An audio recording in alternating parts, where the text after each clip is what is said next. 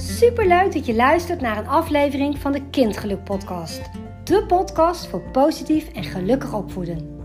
In deze podcast deel ik waardevolle inzichten en tips over opvoeden, het ouderschap en de ontwikkeling van kinderen. Mijn naam is Hermina Terpstra en ik ben kinder-, ouder- en opvoedcoach. En ik neem jou graag mee in de wonderenwereld die opvoeden heet. Want het ouderschap is soms zoeken.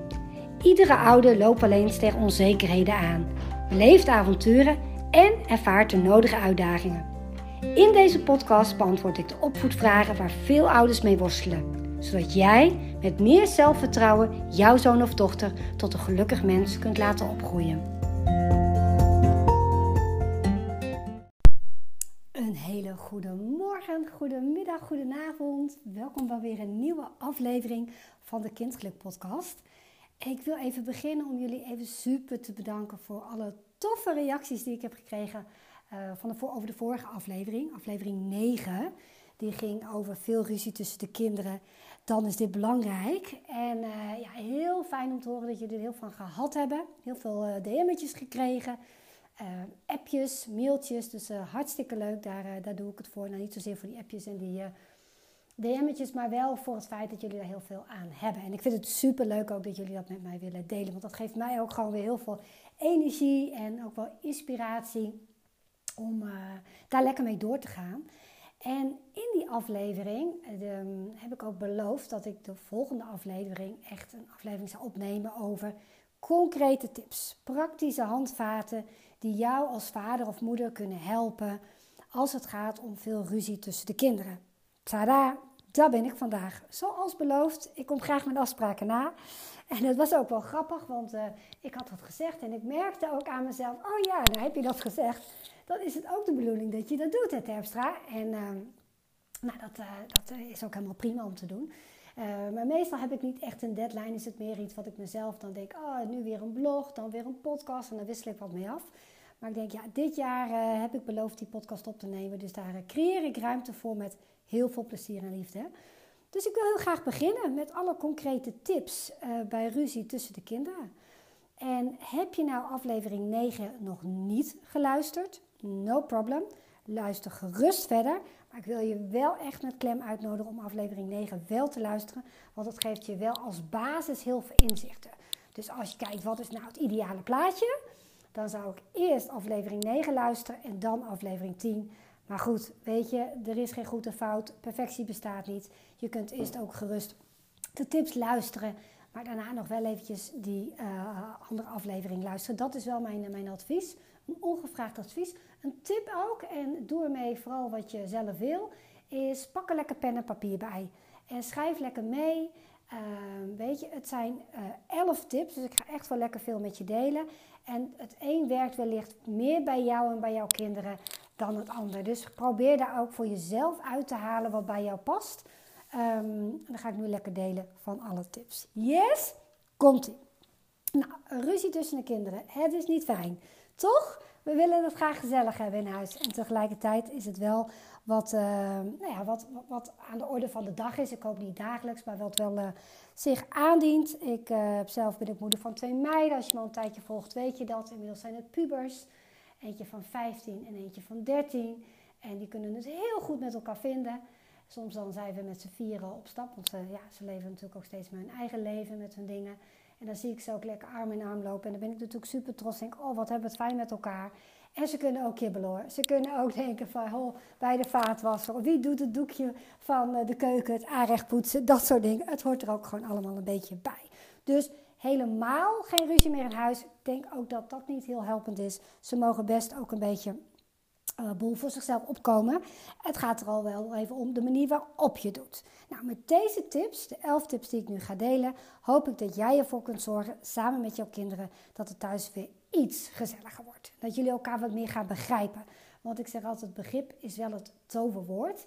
En waarom doet iemand wat hij doet. Hè? Daar heb je altijd een goede reden voor. Dus ook al maken ze ruzie en doen ze dat op een niet helpende manier, ik wil je met klem uitnodigen om het gedrag niet te voordelen van je kind, uh, maar wel de reden te onderzoeken. Hè? En daar dus ook bij stil te staan.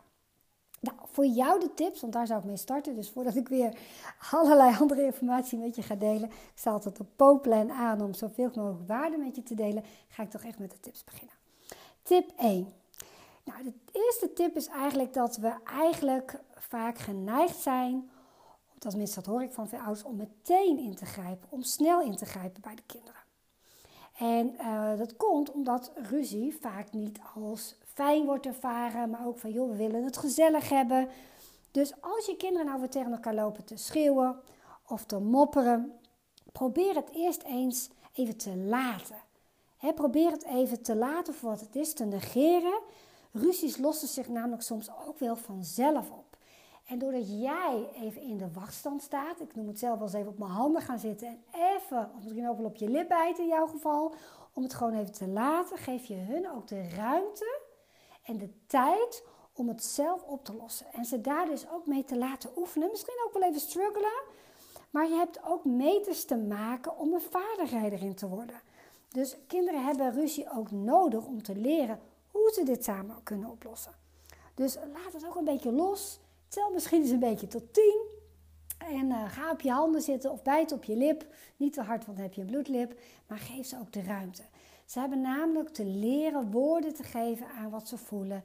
En leren zich in te leven in een ander. Leren te delen wat ze nodig hebben en wat ze niet fijn vinden. Dus ze hebben het ook nodig om het zelf op te kunnen lossen. Zodat ze daarin kunnen groeien. En dat doe je vooral door je kind daar ook de tijd en de ruimte te geven. Doordat jij het gaat fixen, leren ze niet te ontdekken dat ze daar zelfvaardiger in worden.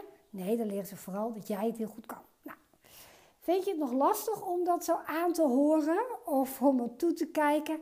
Loop dan gewoon eventjes weg. Weet je, ga wasje opvouwen, ga naar het toilet, pak een paar minuten quality time en uh, geef ze de tijd en de ruimte. Even een slokje thee tussendoor. Loopt de ruzie uit, dan ga ik naar tip 2. Loopt de ruzie uit de hand, en lukt het ze echt niet om het zelf op te lossen met elkaar, ja, dan ga je natuurlijk voegen naar je kinderen. Dan loop je erheen en dan heb je echt de aandacht voor de kinderen. En hun beide emoties. En hun onvervulde behoeften. Want als er een behoefte niet vervuld is, bijvoorbeeld behoefte aan eh, spelen, maar misschien wel zelf spelen, alleen spelen. Maar een ander die zit daar steeds een beetje nou, te prikken. Een kind pakt dat af, om wat voor reden dan ook dan wordt die behoefte niet vervuld. Nou, vanuit die onvervulde behoefte ontstaat een niet fijne emotie. Wellicht een tukkeltje frustratie. Nou, en als je dat dan uit, maar het wordt niet gehoord, dan neemt die frustratie toe. En daardoor ga je misschien ook dingen doen in je gedrag wat eigenlijk niet door de beugel kunnen. Dus belangrijk is, is dat je niet gaat roepen: hou nou eens op allebei of allemaal, hoeveel er ook zijn. Stop met ruzie maken, doe eens gezellig. Kan het hier nou nooit normaal? Kunnen ik nou nooit eens het gewoon rustig met elkaar? Weet je, dat is frustratie die jij ervaart over de situatie, maar die is van jou. En jouw bijdrage is op dat moment, waarbij jouw emotie mag er ook zijn, maar die dient het niet, die helpt het niet. En ja, weet je, stop met ruzie maken. Ja, zij willen ook geen ruzie, hè. Zij, zij gaan niet smiddags uit school komen en denken... nou, vanmiddag ga ik eens even lekker een potje ruzie maken. Nee, dat willen ze ook niet. Het ontstaat ergens door. Door op het moment dat jij zegt stop met ruzie maken... dan is het eigenlijk heel, ja, ik zou zeggen loos... maar dat is me niet helemaal goed voor voort. Maar het is niet concreet en duidelijk. Het is niet constructief. Het is niet leerzaam. En dat wil je. Je wilt naar die kern. Dus als jij denkt, hé, hey, daar wil ik iets mee... Hè, ik ben de, de, de de leider, ik zat het de positieve begeleider van het gezin, de kapitein van het schip, dan waar ligt jouw invloed ook op de manier waarop jij het benadert. Dus luister naar je kinderen. Wees nieuwsgierig. Heb interesse naar hun ervaringen. Luister ernaar. Zonder oordeel. Dus stel vragen. dus, en dan geen vragen van wie is er als eerste begonnen en waarom heb je dat nou gedaan. dat is heel verwijtend, dat is heel niet, helemaal niet constructief. Maar kijk gewoon even naar, naar beide verhalen, naar kind 1 en kind 2. En zeg, goh, wat gebeurt er hier voor jou wat je niet fijn vindt? En, en, hoe voel je je? En hoe komt het dat je je gefrustreerd of je boos voelt? Hè? En wat, wat, wat gebeurt er wat je niet fijn vindt? Wat wil je graag? En hoe kunnen we dit oplossen? Hè? Hoe heb je nu gereageerd? Hoe heb je nu gedaan? Was dat helpend voor jou? Was het helpend voor de ander? Hoe kun je dat de volgende keer anders doen? Dus veel constructiever, zonder het te verwijten. En dan niet alleen het verhaal aanhoren van de een, maar ook van de ander. Dus kies geen partij. Hè? Wees geen scheidsrechter. Ga niet zeggen, jij hebt een gele kaart of een rode kaart en jij, jij krijgt die vrije trap. Nee, weet je, niemand wil dit. Hè? Dus bij ruzie zijn er eigenlijk alleen maar verliezers. Dus we hoeven niet een winnaar of zo uit te, te bepalen. Dat is helemaal niet waar het over gaat. Dus, ehm, en eigenlijk weet je soms ook helemaal niet hoe de ruzie gegaan is, toch? Of wel? Je, bent, je hebt wel wat gehoord, je hebt misschien een, een belletje, een klok horen luiden, maar je weet ook niet precies hè, waar de klepel lag. Dus wees gewoon nieuwsgierig. Hè? Dus focus niet op, op, op het probleem, hè, maar ook op, op de oplossing. Op, op de gevoelens die er zijn, de behoeftes, de onvervulde behoeftes. Wat je mag leren van je gedrag op die manier. Dat was tip 2. Dan gaan we over naar tip 3. Tip 3. Wat zal ik daar eens even over zeggen? Tip 3. Um, ehm, ja, wat had ik daarbij bedacht? Denk eens even rustig na, Hermine. Ja, ik weet het alweer. Soms is het zo, hè, wat ik zei net, hè, grijp niet te snel in. Um, maar soms moet je ook wel ingrijpen in de rol van begeleider. Hè? Dus belangrijk is, is dat jij dus in je rol als vader of moeder je kind leert om op een constructieve manier ruzie te maken, maar natuurlijk vooral ook ruzie oplossen. Hè? Als een kind geboren wordt, dan kan hij nog niet alles. Dan heeft hij bepaalde vaardigheden te ontwikkelen, een bepaalde denkpatroon te ontwikkelen. Daar kan jij bij helpen. Dus leer je kind ook om op een constructieve en positieve manier met elkaar om te gaan. sommige kinderen hebben jouw hulp nog nodig om bepaalde sociale vaardigheden te ontwikkelen. Om te leren luisteren, om te leren delen, om te leren kiezen, om te leren overleggen, om te leren uh, delen, had ik die al gezegd. Nou, heel veel vaardigheden. Nou, we kunnen niet van kinderen verwachten dat ze weten hoe ze gelijk ruzie kunnen oplossen. Zonder dat we ze eerst geleerd hebben hoe dat kan. Dus dan heb je dus je kinderen te leren om hun woorden te kunnen geven aan hoe ze zich voelen. Dat je je kind leert om hun eigen behoeften duidelijk te maken. En welke woorden ze daarvoor kunnen gebruiken. En, ehm, en daarnaast is elkaar leren ook om te luisteren naar elkaar. Dus leer ze niet alleen te verwijten naar de ander, maar leer ze ook hun eigen aandeel in te zien. Leer ze om problemen op te lossen en ook hun grens aan te geven. En op een manier waarbij de ander ook heel blijft. Hè? Ik zeg altijd, als je in gesprek gaat met de ander uh, over iets wat misschien niet fijn is wat er gebeurd is. Dat heb ik natuurlijk ook heus wel eens met een puber. Dan wil ik dat dat gesprek, dat is mijn uitgangspunt, uh, dat ik mezelf heel hou in dat gesprek, maar de ander ook. Hè? Dus niet aannames doen, niet verwijten, want uh, dat, dat, dat, brengt niks. Hè? Dus het is het mooiste als we dingen bespreekbaar kunnen maken. Ook de dingen die misschien niet fijn zijn om te horen. Maar dat we dat wel op een, nou ja, ik noem dat dan verbindende manier kunnen doen. Maar ik snap dat een kind van acht daar wat minder mee heeft. Maar wel op een manier waarbij je elkaar ook heel houdt. Dus, ehm, en soms moet je dus ook leren um, je kind grenzen te stellen. En je kind leren hoe hij dus ook met zijn broer of zus of broertje of zusje om kan gaan dus belangrijk is dat je stilstaat bij de gevoelens. en dat gevoelens erkend worden. En dat je stilstaat bij wat mag niet, maar wat mag wel. En wat mag voor jou wel en wat mag voor jou niet. Waar ligt jouw grens? En dat iemand dat woorden geeft. En dat, een kind ook, dat je kind ook leert om, nou, welke manier kan hij dat dan doen? wat kun je met, je met je mond doen in plaats van te slaan? Nou, door je kinderen daar constructief in te begeleiden. Dus niet vanuit het verwijt als je het eerder nog anders deed. Maar meer vanuit het nou, begrip en een signaal dat je kind dat nog te leren heeft. Zullen ze steeds zelfstandiger worden in het leren oplossen van ruzie. En hier zullen ze niet alleen zij profijt van hebben, ehm, nu, maar ook in de toekomst, in, het, in relaties die ze later in de toekomst tegemoet treden. En nou ja, dat is gewoon natuurlijk super, super waardevol. Um, tip 4. Wat gaan we daar eens even over delen? Tip 4 gaat over. Hmm, ja, je mag je kind natuurlijk wel helpen om ruzies op te lossen als ze er zelf niet uitkomen. Hè? Want kinderen komen er lang nog niet altijd samen uit. Hè. Daar had ik het net al. Enerzijds zit je op je handen en anderzijds mag je best helpen. Hè, dus als de ruzie te hoog oploopt en de situatie niet meer veilig is, zodat ze echt elkaar in elkaar beuken, dat, er eentje, nou ja, hè, dat het wel echt heel erg uh, pijnlijk gaat worden, dan is het natuurlijk wel belangrijk om je kind te helpen. Um, ik bij wel wil zeggen dat ik heb zelf twee meiden. En bij meiden en jongens gaat dat, uh, even heel erg generaliseren dit trouwens, maar wel eens wat anders. Jongens zijn soms wel vaak wat fysieker, uh, hebben dat ook wat meer nodig. Daar zitten natuurlijk wel grenzen aan. Um, maar goed, weet dat wel. Hè? Maar het is natuurlijk niet de bedoeling om elkaar helemaal in elkaar te beuken. Dus um, los ze dan niet op hè, voor de kinderen, wat ik net ook zei, maar ondersteun ze wel bij het leren uh, ruzie maken en het ruzie oplossen. dus laat ze beiden vertellen wat er gebeurd is, wat ik net ook zei. Luister hier goed naar en erken de gevoelens van beiden en ook erken ook de uh, gevoelens van beiden. Dat is wel belangrijk. Nou ja, wat ook belangrijk is, is dat je niet zozeer focust op de schuldige, maar meer op de oplossing. Hè? Dus het is niet altijd even 1, 2, 3 super uh, easy peasy om te achterhalen wat er gebeurd is. Um, dus het kan ook een beetje. Dat ik vind het enerzijds wel belangrijk. Hè? Ik geloof ook dat dat kan. Um, maar het is wel belangrijk dat je goed in de gaten houdt dat het de strijd niet verergert. Dus dat je dat wel op een constructieve manier doet. Dat leer ik de ouders ook in het gezinsgeluktraject bij mij.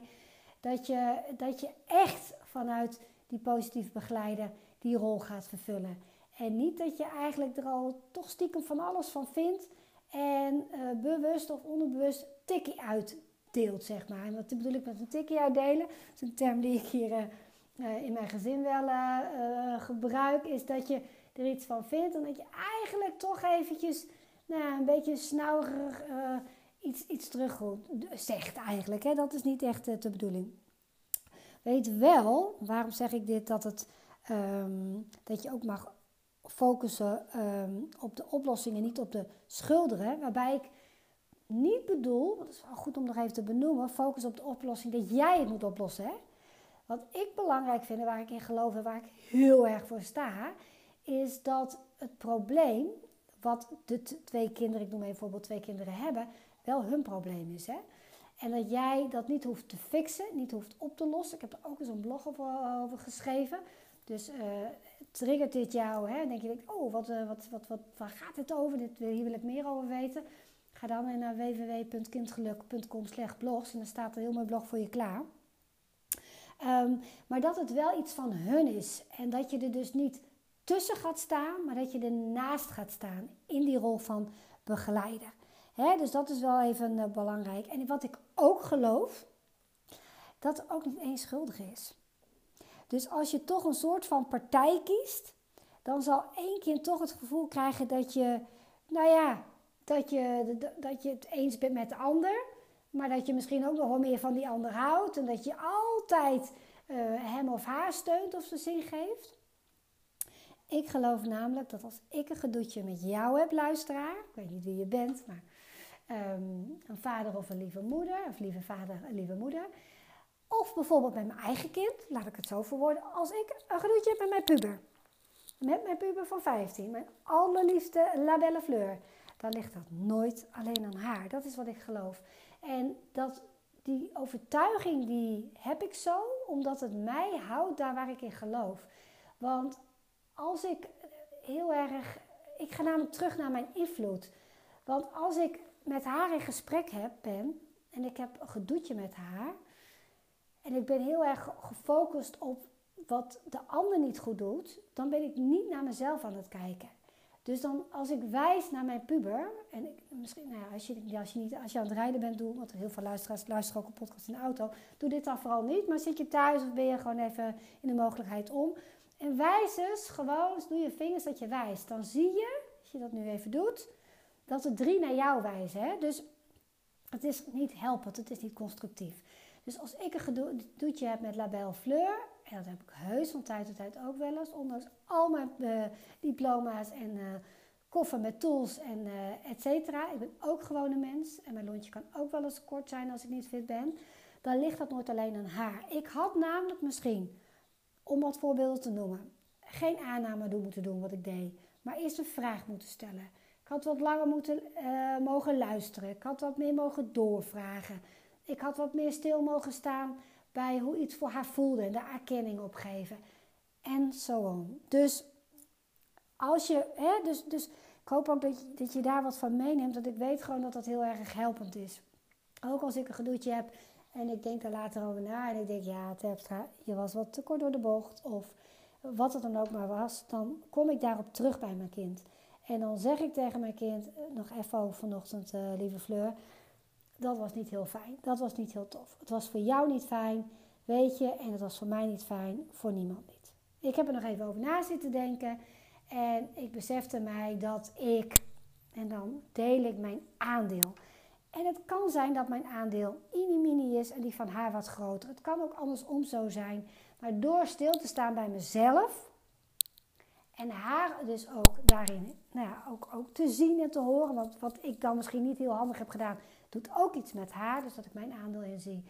Dan staat zij ook eerder op om haar aandeel in te zien. Dus als ik dat dan gedeeld heb, ik zeg, en jij, als jij er nu zo nog eens over nadenkt, hoe kijk jij er dan naar? Kan zij ook veel makkelijker de beweging maken. Zeg, nou, ik had niet zo kattig moeten reageren, of ik had niet zo brutale mond, uh, of, of, of had, ik had uh, even goed naar je mogen luisteren, et cetera. En dan ben je in de verbinding, dan heb je begrip voor elkaar en dan kun je bouwen. Dan kun je kijken van, hé, hey, maar wat, uh, wat, wat gaan we nu afspreken, et cetera. En dit kun je ook met je kinderen doen. Dus, um, dus wees dus ook dus dat je in je ehm, benadrukt dus niet wie de dader of het slachtoffer is, maar sta dus vooral stil bij de behoeftes van beide kinderen. Dus wat ik net zei, hè, focus niet op beschuldigen, maar focus je op de oplossing, waarbij jij niet hoeft te fixen. Maar je begeleidt je kind in dat wat er gebeurd is. Je erkent de behoeften. Je erkent de onvervulde behoeften. Je erkent de behoefte die er wel was. Dan voelen ze zich heel, zeg maar. Je staat ook stil bij het nou, misschien niet zo handige gedrag. Wat is dan niet zo handig geweest? Hoe kun je dat in de volgende keer doen?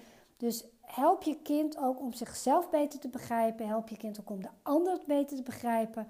Om voor zichzelf op te komen. En uh, help je kind ook om anders op elkaar te reageren. Yes, dat was volgens mij tip 5. Dan gaan we naar tip 6. Um, ehm, dan heb ik hier als steekwoord staan: leer je kinderen om het zelf op te lossen. Ja, wat bedoel ik daarmee? Um, nou weet je dat jij dus niet hoeft te fixen. Dus help ze om zelf tot een oplossing te komen in plaats van die te geven. Want zo help je ze om echt na te denken in oplossingen en ook wellicht leren om compromissen te sluiten. Nou is het natuurlijk zo dat hele jonge kinderen dat minder gemakkelijk kunnen dan kinderen die wat ouder zijn. Dus je kan dat enerzijds doen door vragen te stellen, door open vragen te stellen. En dan help je je kind om zelf na te denken over de situatie. Dus eh, je hebt het uitgevraagd, hè, wat het eerste stuk en zo. Hè, wat, wat gebeurde wat er niet fijn was, hoe was het voor jou, nou, et cetera. Maar daarna ook kijken van hoe kunnen jullie dit samen oplossen. En ze zelf een mooie oplossing laten bedenken. En als ze dat ook lukt, dan is dat toch een dikke vette high five. Hoe cool is dat? In het kader van zelfvertrouwen ontwikkelen, veerkracht, oplossingsgerichtheid. Super cool. En geef ze daar dus ook de tijd en de ruimte voor. Dus dat vraagt misschien wel wat paar minuutjes van je. Dus je bent alleen maar aan het begeleiden. Dus stel, hmm, mijn luisteraar wil altijd graag een voorbeeld. Dat weet ik. Dus ik bedenk even iets. Nou, stel er is een bal en ze willen allebei met die bal spelen. Maar ze willen niet samen. Oh, mijn oortje valt even uit, dus uh, al praten, omdat ik doorpraat, doe ik mijn oortje weer in. Um, ze hebben een bal, maar ze kunnen niet tegelijk mee spelen, want ze willen niet samen. Dus dan is de situatie van, nou, we hebben een bal. Jullie willen allebei mee spelen. Jullie willen er niet samen mee spelen. Hoe lossen we dit op? Dus je beschrijft eigenlijk de feiten. En dan geef je het woord aan de een. Nou, ik noem maar even Pietje. Nou, Pietje, oh, ik heb altijd Jantje Pietje. Dus Pietje, nou, wat, wat voor oplossing zie jij? Nou, ik mag eerst en dan mag Jantje. Bijvoorbeeld, hè, zo begint het vaak. Nou, dan ga je naar Jantje en zeg je, Jantje, nou, we hebben een oplossing te zoeken. En Pietje heeft een oplossing die zegt van, Ehm, nou, ik ga eerst en dan mag Jantje. Nee, zegt Jantje dan. Nee, ik eerst en dan mag Piet. Nou, dan ga je weer terug. Nee. En dan gaat dat natuurlijk heen en weer. Dus uiteindelijk kan het misschien zo zijn dat de een eerst mag en dat uh, de 10 minuten en dan mag de, dan de ander 20 minuten. Of de een mag nu één keer en dan mag de ander drie keer. Zij bedenken wel iets. Dus het vraagt tijd en op je handen zitten. Maar oh, oh, oh, wat is dit leerzaam. Ik zou zeggen, zet hem op en ga ermee aan de slag. Um, de volgende tip, tip 7 uh, eh, volgens mij, is uh, geef ruimte aan emoties en stel grenzen aan gedrag. Je boos voelen mag, slaan en schoppen niet. Dus leg ze ook uit dat ze zich boos, verdrietig, onzeker, gespannen, etc. mogen voelen. En zorg er ook voor dat jij die gevoelens serieus neemt. Dus, um, dus niet zeggen van als ze verdrietig zijn, stop nu met huilen, doe die tranen eens weg. Dat is niet nodig.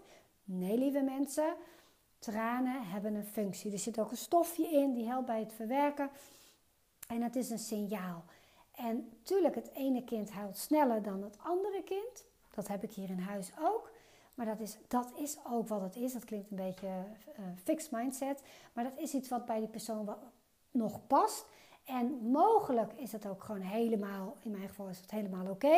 Ik heb daar denk ik persoonlijk meer in mogen leren. Uh, maar dat is misschien meer voor, voor een andere podcast. Um, um, ja, dat doe ik in een andere podcast, gezien de tijd. Um, maar het is wel zo dat die tranen ook iets willen vertellen. Wanneer jij die tranen afkeurt, dan voelt een kind zich niet gehoord, gezien en begrepen. Dus je voelt je verdrietig, hè, omdat. Hè, dus erken dat emoties er mogen zijn, geef ruimte aan. Als je ziet dat je kind echt iets te doen heeft op weerbaarheid. En dat je denkt, nou, het is het minste of geringste. Nou, misschien in deze decembertijd. Dat, dat is ook een, uh, hè, in deze drukte, dan huilen kinderen soms ook wat sneller. Dan heeft dat dus een reden. Maar als je zegt, oh, mijn kind huilt echt heel snel, die heeft daar iets in te doen. Dat kan. Die kinderen heb ik ook in mijn praktijk. En dan mogen we best kijken naar helptranen en niet helptranen. Wat dient het je? Maar in basis echt laat de emotie er zijn. Het is namelijk heel belangrijk voor kinderen om emoties te uiten. Want anders dan hoopt het zich alleen maar op en dat wil je niet. Dus je mag natuurlijk wel het gedrag van je kind begrenzen. Dus ja, zonder ouders zeggen, ja, maar dat gedrag dat keur ik af. Ja, dat snap ik. Afkeuren, ja, dat roept bij mij dan alweer iets. En dat is niet goed, hè, dat gedrag. Bij mij staat goed en fout. Misschien krijg je er erg van, maar dat bestaat niet in mijn praktijk. Tuurlijk, eh, iemand mag voor mij echt geen sticker plakken als iemand anders in elkaar trapt. Dat snap ik ook.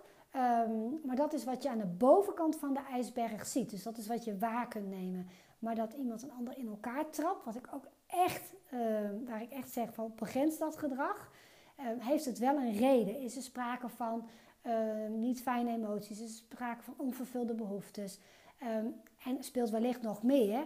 Dat, wil wel, dat is wel de kern, dat is wel wat aandacht verdient. Als je dat aanpakt, zul je zien dat het gedrag wat je dan mag begrenzen, of wat een ander misschien afkeurt, uh, dat gaat uh, minderen en daarna verdwijnen. Dan gaan we uh, naar tip 8. Ja, wat helpend is ook, is dat je in je gezin, als het gaat om tussen de kinderen, ook duidelijke regels en afspraken maakt. En maak die ook met elkaar. En zorg ook dat die bij elkaar bekend zijn. Ik merk in mijn praktijk, als ik daar met ouders over heb, zeg ja, dat hebben we eigenlijk helemaal niet we, doen maar wat. En dat, dat is niet fout. Ehm, maar regels zorgen wel voor duidelijkheid en veiligheid. als we in het verkeer geen regels hebben, wordt het een dikke chaos. Dus ehm, ja, dat is het in het gezin ook. Je wil graag begrip en harmonie en een stuk rust. Dus wat mag wel en wat mag niet. Hè? Dus dat dat wel heel helpend is. En ook gewoon voor de regels thuis. Hè? Van als je thuis komt, doe je dan je schoenen uit, doe je jas op de kapstok, tas in de, in de tassenbak. Uh, als je gegeten hebt, ehm, de, de, kinderen ruimen af of zetten een bordje in de keuken neer. Wat, wat zijn de afspraken?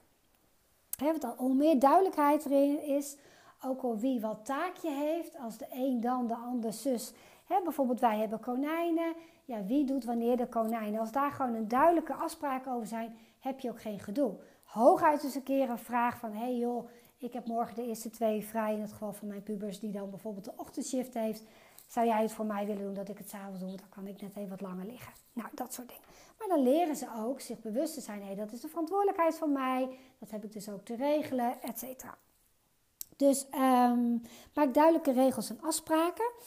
Uh, ook over wat uh, wel mag en niet mag. Dus slaan mag niet, maar hoe, wat mag wel. Uh, dingen afpakken mag niet, met spullen gooien mag niet. elkaar slaan is denk ik echt een no-go. Maar bijvoorbeeld wel vragen. Hè? Mag ik iets van je lenen? Hè? Dus, of oh, mag ik dat even van je gebruiken? Dus ook dat soort dingen, hoe je dat doet. Um, maar ja, ruzie maken hoort er dus ook een heel klein beetje bij, wat ik eerder al zei. Maar dat kun je wel op een respectvolle manier doen. Daarmee bedoel ik dat je voor jezelf opkomt op een manier die voor jou heel blijft. Um, nou ja, en, en, en, blijf ook benoemen wat de regels jullie hebben en waarom die er ook zijn. Ik, ik heb dat ook bijvoorbeeld, dat heeft ook met het type kind te maken. Mijn oudste bijvoorbeeld, al van heel jongs af aan, als daar een nee kwam, no problem tenzij ik eigenlijk de reden niet gaf. Dan werd ze wat in verwarring, dan was het haar niet duidelijk, dan begreep ze het niet. Maar als ik zei, joh, dat, uh, dat doen we vandaag niet om die in de reden. Denk oh ja, dat snap ik dan. Want zij kan heel dingen heel erg, uh, nou, uh, heel goed daarin over nadenken. En dan zij, daar kan ze het ook als een soort vinkje in haar hoofd zetten. Ja, nu begrijp ik het. Maar als je het niet begrijpt, dan kan dat ook wat onduidelijkheid en chaos geven. Um, we hadden het over de regels. Dan gaan we naar tip 9, want dit was tip 8. Ga je kinderen ook niet met elkaar vergelijken. He, dus merk je dat je ene kind vaker ruzie opzoekt of wat in de weerstand gaat, of, uh, dan, dan focus je dan op het gedrag van dit kind zonder de vergelijking te maken met het ander.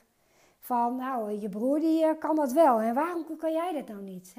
Je, broer bemoeit zich er ook niet steeds mee. Waarom bemoei jij nou altijd met, uh, nou dat. Daarmee geef je kind gevoel dat die minder goed is, of minder leuk, of minder lief. En uh, ja, ik zeg altijd, elk kind heeft wel wat te leren. En misschien niet dat, maar wel andere dingen. En het kan zijn dat jij dat gewoon wat gemakkelijker vindt, wat het ene kind te leren heeft, dan wat dat je het andere kind te leren hebt. Dat heb ik ook als het ene kind wat ik bij mijn oudste heb te leren. Dat vind ik soms heel makkelijk wat ik haar te leren heb. En sommige dingen vind ik, denk oh, wat, vraagt dan weer wat meer van mij. Maar dat heb ik ook bij mijn jongste. Sommige dingen wat makkelijker, sommige wat... Dat hoort erbij. Dat heeft namelijk ook met jezelf te maken, lieve ouder. dus dat heeft te maken met je eigen gedachtenpatronen, met je eigen overtuigingen. Ook wellicht ook met je eigen ervaringen, met je eigen vaardigheden, ook skills die je nog verder te ontwikkelen hebt. Dus um, wees ook bereid om naar jezelf te kijken. Even zo'n bonus tipje bij, um, bij tip 9. Hè. De verandering die wij als ouders bij onze kinderen willen zien, begint ook heel vaak bij ons als ouder. Gaan we naar tip 10. Oeh, de tijd tikt ook al door, zie ik. Ik, uh, ik dank je al voor het luisteren. Ik probeer het elke keer toch echt bij een half uur te houden, maar ik ben er al een beetje overheen. Ik hoop dat het van waarde voor je is, dus dat je lekker blijft luisteren. Um, naar tip 10. Dus sta ook stil bij, bij ieder kind. Hè? Eigenlijk een beetje in aansluiting op wat ik net deel. Dus dat je echt ook gaat kijken, hey, nou bijvoorbeeld in mijn geval van, hey, waarom hou ik nou zo van Fleur? En waarom hou ik nou zo van Roos? Want ieder kind heeft zo zijn eigenheid. Ieder kind is ook uniek, net zoals jij als vader en moeder. En ieder kind heeft ook heel erg de behoefte om speciaal te zijn voor jou. En um, ze hoeven eigenlijk denk ik niet zo te horen dat ze evenveel van, jou, van jouw kind houden, van het ene kind als van het andere kind. Maar dat laat dat ook vooral zien. Hè? Dus uh, je hoeft dat niet te benoemen, dat je van ieder kind evenveel houdt. Benoem vooral waarom je zo van je kind houdt, wat je zo leuk vindt. Hè? Dus nou, ik liep uh, gisteren ook, nee gisteren was het niet, uh, eergisteren even met mijn dochter in de stad. Ik zeg, oh, het is toch altijd gezellig zo met jou als we samen de stad in zijn. Dan heb je weer een leuk idee. En wat, hè, hoe je ook eventjes, ehm, hè, voor mij had ze, oh mam, is dit iets leuks voor jou? Hè, dus dat, ze, dat, dat maakt ook dat ze gezien wordt, gehoord wordt, maar het klopt ook. Hè? Dus het is eigenlijk ook een heel mooi compliment over haar zijn. Dus het, over, ja, je wil ook het, een positief zelfbeeld creëren. Nou, vooral een reëel zelfbeeld, daar ben ik dan van. Ook wel positief, maar we hebben ook allemaal stukjes in ons die misschien iets minder positief zijn. En ik vind ook dat die er mogen zijn. Dus um, je wil dat je kind zich fijn voelt om wie hij is. En niet zo om wat hij allemaal doet. Dus ehm, als hij namelijk meer uh, eigenwaarde heeft en een reëel en ook een positief zelfbeeld en zelfvertrouwen en veerkracht, dan hoeft hij of zij ook minder snel de, de, de, strijd aan te gaan om een broertje of zusje om, om jouw aandacht. Of om jaloers op je broertje of zusje te zijn. Dus het is daarom zo belangrijk om goed te investeren in de relatie die je met elk kind afzonderlijk hebt. Dat draagt ook bij aan het welzijn van jouw kind en de veerkracht van jouw kind en het, nou ja, wat ik net eigenlijk al zei. En dat draagt ook bij in, in, hoe je kind zich manifesteert in relaties met anderen, dus ook met broertjes en zusjes. Dus uh, geef je kind dus ook die individuele aandacht. Hè? Dat is ook zo heerlijk uh, uh, mee. Um, en dat, die één op één is daarin ook zo'n zo'n heerlijk moment. Nou, gaan we naar tip 11, de, de, laatste, de last one. Um, nou ja, creëer thuis, dat slaat ook een beetje bij aan, ook een, een hele fijne positieve sfeer. Dus hoe ga jij zelf om um, in, met relaties? Hè? Hoe communiceer je naar je partner, uh, naar bezoek wat over de vloer komt, naar je kinderen? Dus even inhakend op de verandering die wij als ouder bij ons kind willen zien, begint bij ons als ouder. Kun jij je kind ook heel houden? Kun jij jezelf ook heel houden in gesprek met het kind? En kun je jezelf waarderen en je kind waarderen? Dus probeer thuis ook die positieve sfeer te creëren. Dat ieder goed zoals hij is, om wie hij is. En tuurlijk, je mag heus wel eens een keer zeggen: Goh, wat fijn dat je dat voor me gedaan hebt. Wat behulpzaam van je. Dus tuurlijk zeg je ook iets van wat iemand doet. Maar dan koppel je er wel een hele mooie uh, behulpzaamheid aan vast. Dus dat heeft ook weer met die. Met die, uh, nou ja, eigenlijk dat zijn echt die procesgerichte complimenten dat ik altijd noem. Geef die ook vooral. Hè. Op mijn blog staat er ook een, uh, op mijn blog, op mijn website staat er ook een blog voor je klaar. In de show notes, show notes zal ik de twee linkjes wel even zetten. Over dat blog met die complimenten. En even over dat fixen. Ik schrijf het gelijk even op dat ik dat dus ook niet vergeet.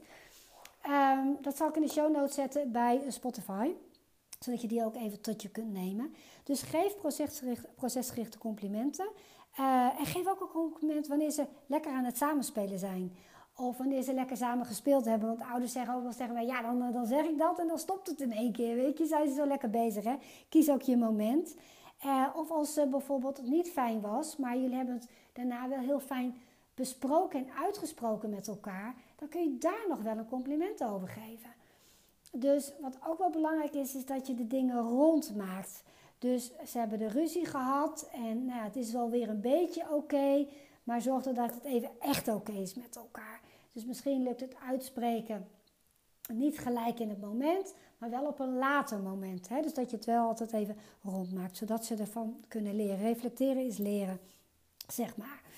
Uh, nou, en kinderen leren ook heel erg van jou. Hè? Dus uh, jij bent een voorbeeld, een rolmodel, dus hè, leef ze ook een voorbeeld uh, voor. Je hoeft niet perfect te zijn. weet je, dat is de kracht van imperfectie, daar geloof ik ook in. Um, wat ik ook net al zei, hè, als ik met mijn dochter in gesprek ga, dan heb ik ook wel eens iets, handig aangepakt.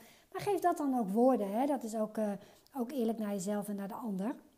Maar in basis, hoe ga je om met anderen? Sta je ook open, van een, naar, sta je ook open voor de mening van je kind of van je partner of van iemand anders? Um, en hoe los jij ruzies op? Hè? Er zijn ook best wel wat ouders in mijn praktijk die zo tegen ruzies zijn, waarbij eigenlijk de ruzies er niet mogen zijn. Want ruzies hebben ze als, als soort van fout gelabeld. Terwijl ruzies ja, ook iets heel constructief is. Als je dat natuurlijk op een gezonde en gewenste manier doet. En elkaar niet de hersens inslaat. Maar ook dat je voor jezelf opkomt. Dus als je er zo tegen bent en heel erg conflictvermijdend bent. Omdat het er niet mag zijn. Ja, dan denk ik liever ouder, uh, call me. Daar wil ik het graag met je over hebben. Want dan uh, geef je wellicht zelf ook minder je mening. Daarmee sta je misschien ook liever minder dat je je woorden geeft aan wat je voelt en wat je nodig heeft en wat je behoeftes zijn. En, en geef je minder je grens aan. Hè? Want boosheid, die emotie bijvoorbeeld, die heeft ook een functie. Als je geïrriteerd en gefrustreerd raakt, daarmee heb je een grens aan te geven. En als je dat niet doet om de lieve vrede te bewaren, ja, dan leef je dan wel jouw leven. Hè? En, of ben je dan meer bij de ander, omdat je je zo goed in de ander kan verplaatsen en dat het niet fijn is voor de ander. Sta ook stil hoe het bij voor jou is. Wat heb jij nodig? Nou, lieve mensen, dat waren 11 tips volgens mij.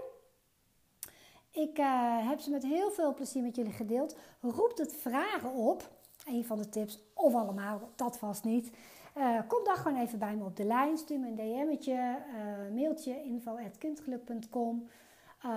of nou, als je me op de app hebt, stuur me een appje. Um, voel je welkom. Ik vind het ook super tof om te horen hoe je deze podcast hebt ervaren. Of welke tip je zoiets hebt, ja, daar ga ik lekker mee aan de slag. Of welke tips of welke je misschien wel raakt, dat je denkt, ja, spot on, Mina, hier had je het over mij. Deze triggerde mij. En dat mag ook. Liefde is altijd het antwoord. Het is een uitnodiging om daar lekker mee te gaan spelen, zeg ik altijd. Om daar lekker mee aan de slag te gaan. Dus hè, creëer dan ook een bewustwordingsmomentje met je. Wellicht heb je meegeschreven met de tips. Nou, welke ga je nu eens even mee aan de slag? Je hoeft niet gelijk alle elf tips, maar maak eens een keuze. Ga daar lekker de komende tijd mee oefenen. En proberen en dan ontdek je en dan vergeet je het wel eens. En dat is ook oké. Geef jezelf niet op je kop en ga dan lekker door met oefenen. Hè? Dat, uh, dan word je er steeds vaardiger. Nou, ik zeg tot de volgende podcastaflevering. En uh, heel veel liefs van mij. Tot horens!